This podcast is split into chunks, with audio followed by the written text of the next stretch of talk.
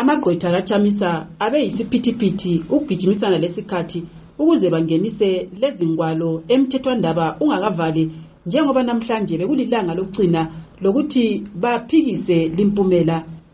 Igqwetha elikhokhela iqula lamagqwetha aphikisa isinqumo sezek u-advocate thabani mpofu utshele umhlangano lentatheli zindaba ukuba njengoba sebekhweze lolu daba osekusele ukuthi umthethwandaba wahlulele.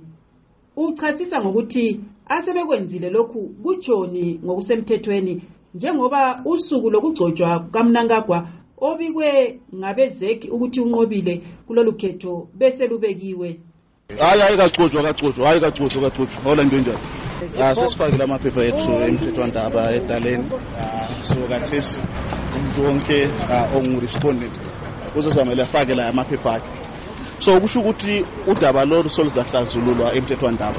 Umnumzana mpofu uveze njalo ukuba uselalawo bempisi ngoba impilo yakhe isengozini esethuselwa ngokuphela selokhu wavela egcekeni ukuba uzosebenza ukumela uchamisa emthethwandaba.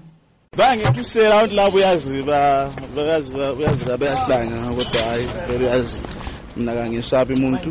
Ah, kodwa bayangethusela balokho bayangethusela umpofu uthi abakudingayo ukuba umthethwandaba we-constitutional court utsho ukuba ukhetho oluqhutshwe ngabekhomishini ezek lungananzwa ngoba lungaqhutshwanga ngemfanelo njalo belobufakazi obusekela lokho.